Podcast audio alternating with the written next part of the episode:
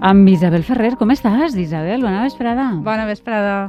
Mira que l'altre dia vam parlar del 9 d'octubre i de l'himne i avui que estem a 12 d'octubre jo dic, parlarà de la hispanitat? Sí Parlaré de la hispanitat, sí, sí, però no és fàcil perquè entren en joc molts factors. Sí. sí que la meva proposta és que fem un recorregut musical sobre de quines formes este concepte tan gran d'hispanitat ha acollit moltes músiques diferents en diferents períodes. Doncs vinga, va, comencem.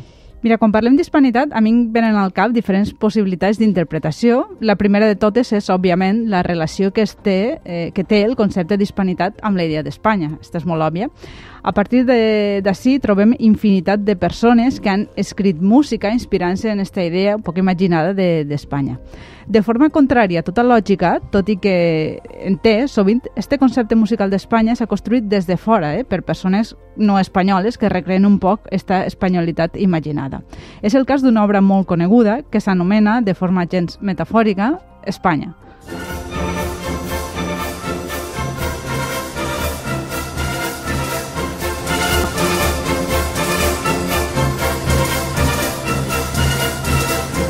Tant com m'agraden a mi les metàfores i comencem sense metàfora ninguna. Sí, no s'ho ha treballat molt. No, no, no, no, no. no. Això sona, eh, doncs això, amb aires espanyols sí o sí. Sí, perquè empra el compositor alguns dels recursos més típics de les músiques que volen sonar com espanyoles, com ara l'ús de la pandereta o, o de les castanyoles també passa molt. Quan es vol fer sonar com espanyol, posen castanyoles. Uh -huh. N'anirem ve veient més d'estos recursos. Ara buscant un poquet més d'esta obra, perquè durant el romanticisme, és a dir, durant el segle XIX, hi, hi va haver molts compositors que trobaven molt atractiu anar buscant fonts d'inspiracions en jocs exòtics i consideraven els europeus a Espanya exòtica. Eh, i decidien visitar-la. Va ser el cas d'un compositor francès, Emmanuel Chabrier, qui, en companyia de la seva dona, va voltar uns mesos per la península ibèrica l'any 1882 i a la tornada va escriure esta obra que escoltem, que a la fi ha resultat la seva composició més famosa i per la qual ha passat a la posteritat. Ah, mira, doncs la inspiració espanyola li va anar molt bé, eh?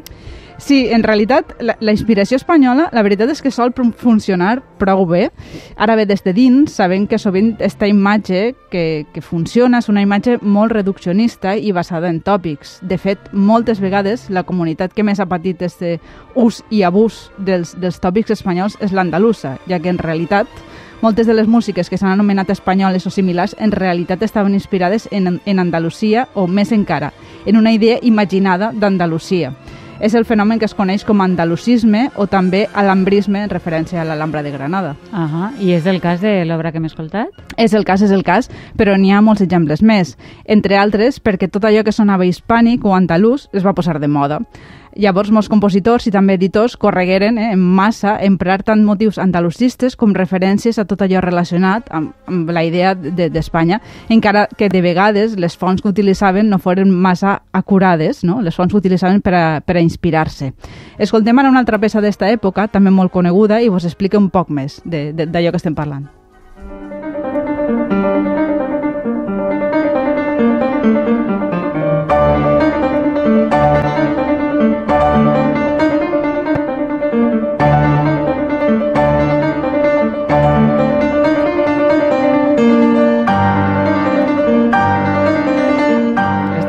tocar, eh? Quina quantitat de notes. No, no, no, esta no és fàcil de tocar i en guitarra diré que encara és més difícil que després fer una versió. Uh -huh. Això que estem escoltant és Astúries, una peça del compositor català Isaac Albéniz, que forma part d'un recull de peces breus anomenat Suite Espanyola.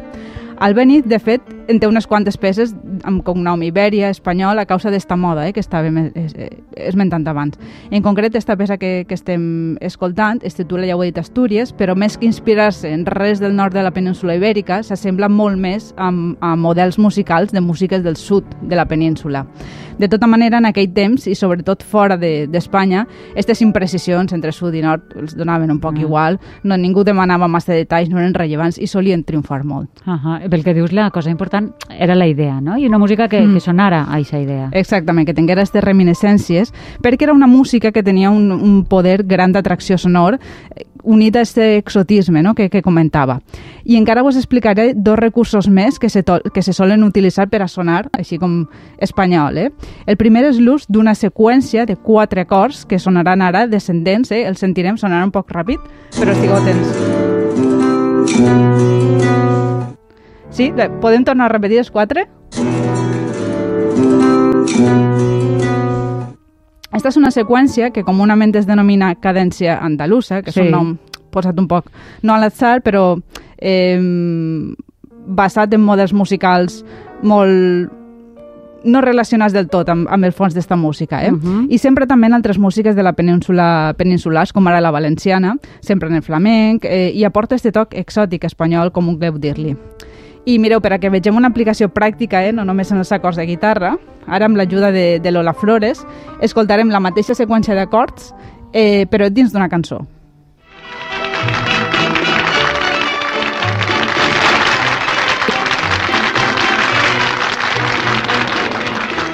Vale. Això és a Tubera, sí, que és molt coneguda. Sí. Tercer acord Perfectament, sí. i quart acord. Ara ja començarà a cantar. Ah. Primer acord. Segon acord. Tercer acord. I quart acord. Sí. Sí, i això sí, sí. apareixen moltíssimes cançons, moltíssimes més de les que vos podeu imaginar, moltes vegades cercant això, eh, cercant sonar com, com espanyol. Clar, que s'escolta perfectament, eh? Bueno, i sobretot eh, eh, amb, amb, la teua, amb el teu acompanyament. Però Mm. sí, sí. I Sí, tot i que en escoltar-ho, en el fons sí que s'arriba a distingir. Sí. potser a vegades no és tan fàcil. I per a aquests casos, els productors musicals, que són molt espavilats, Clar. tenen altres recursos eh, en, en, en la butxaca. I així ara ja comencem a introduir al, altra de les idees que acull el concepte d'hispanitat, que era del tema que estàvem parlant, que és la vessant que inclou l'Amèrica Llatina. Quan un productor vol que una música, sobretot quan va destinada a públic no llatí, soni llatina, eh, col·loquem una guitarra espanyola i immediatament qualsevol cançó pop passa a tindre este toc llatinitzant. Escoltem un dels primers èxits d'una actual superestrella que va ser prefabricada buscant que reflectira este concepte de Latin Lover. Tonight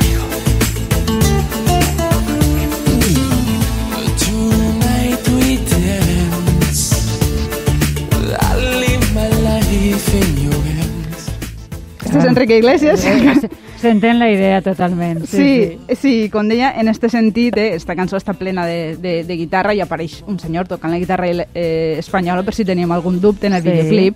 I en este sentit, hispanitat i llatí conviuen com termes on s'inclouen Espanya i tots els països que es van colonitzar a partir del 1492. I aquesta idea d'hispanitat, que, es, que gira entorn eh, d'esta data, es commemorava eufemísticament en allò que deien Encuentro entre cultures, Avui en dia continua celebrant-se Espanya com a diada nacional, pot ser amb menys autocrítica de la desitjable en molts, en molts sentits, cosa que potser el 9 d'octubre nosaltres també ens hauríem de remirar, però això és un altre tema. En molts països ja americans ha passat a ser una data de reivindicació del, del pluri, pluricultural i dels pobles, pobles precolombins.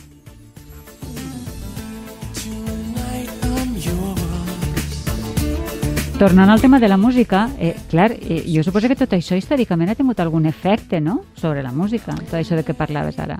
Hmm, jo no sóc especialista i sobretot no m'agradaria parlar en nom d'altres cultures, que ja ja n'han tingut prou, Intent però sí que intentaré fer un resumet de la versió musical i de la mateixa manera que va ocórrer amb les llengües dels nadius, tota la música europea va arribar allà juntament amb els pobladors europeus Sí. i de forma gens equilibrada ni respectuosa va començar a mesclar-se amb les músiques que hi havia en el, en el continent que avui diem americà. El problema és que l'extermini cultural que va haver-hi i que moltes d'aquestes músiques eren encara de tradició oral, no havien sigut mai escrites, eh, fa que disposem de restes, de molt poques restes de música precolombina eh, en, en, en els documents. Si voleu podem escoltar un, una excepció, no, no és una excepció, eh, és una fesa que es va, que es va escriure en, en quichua.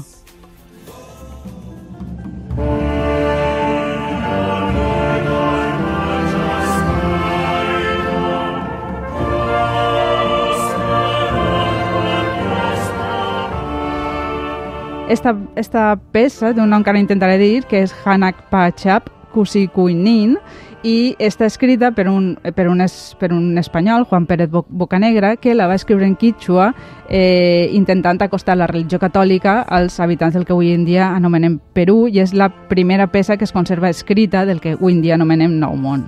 Uh -huh. Però ja suposem que les peces en quichua no, no són les més habituals conservades. No, entenc. no, no gens, tot el contrari. El castellà es va imposar i parlar les llengües natives va resultar fins i tot perillós, un fet que encara, que encara ocorre avui en dia. Per tant, parlar de mestissatge cultural és, és molt amable per a referir-se a aquestes pràctiques. De fet, hi ha moltes peces musicals on els esclaus, que va ser un altre dels efectes col·laterals de la conquista, i apareixen representats com en esta peça atribuïda a Roque Jacinto de Echevarría.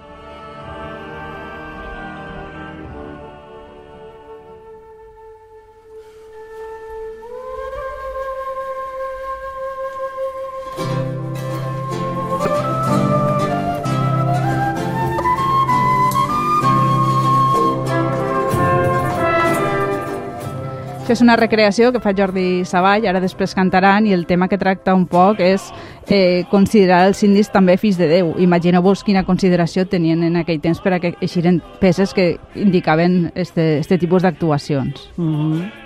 I com està la situació actualment? Doncs des de fa unes quantes dècades s'està revisant la presència de, dels espanyols i reivindicant les arrels precolombines i de- decolonitzant, que és, és Sí. el terme més tècnic que sempre, també musicalment.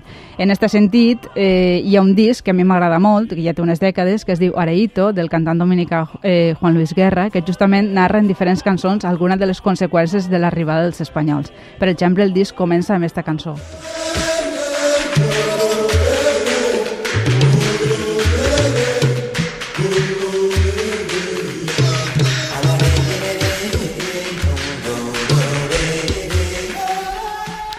Doncs això es diu areito, que segons he llegit és un tipus de cant provinent de la cultura dels taïnos, que els habitants de l'illa, actualment d'Haití i la República Dominicana, que parlaven en esta llengua, una llengua de, les, de la qual se saben poques coses, ja que es va extingir eh, cent anys després de l'arribada dels, dels espanyols, però tenen paraules que heretat com patata, caimán, tiburón i un llarg, etc. Mm. En este disc, eh, Juan Luis Guerra probablement és, és el més mainstream que ha passat en esta reivindicació, però n'hi ha molts altres des dels anys 70. Que bé, escolta'm la música, Isabel ens ho explica tot eh? i ens acompanya històricament en cada moment precís i ens parla. Moltíssimes gràcies. A Fins vosaltres. la setmana que ve. La setmana vinent.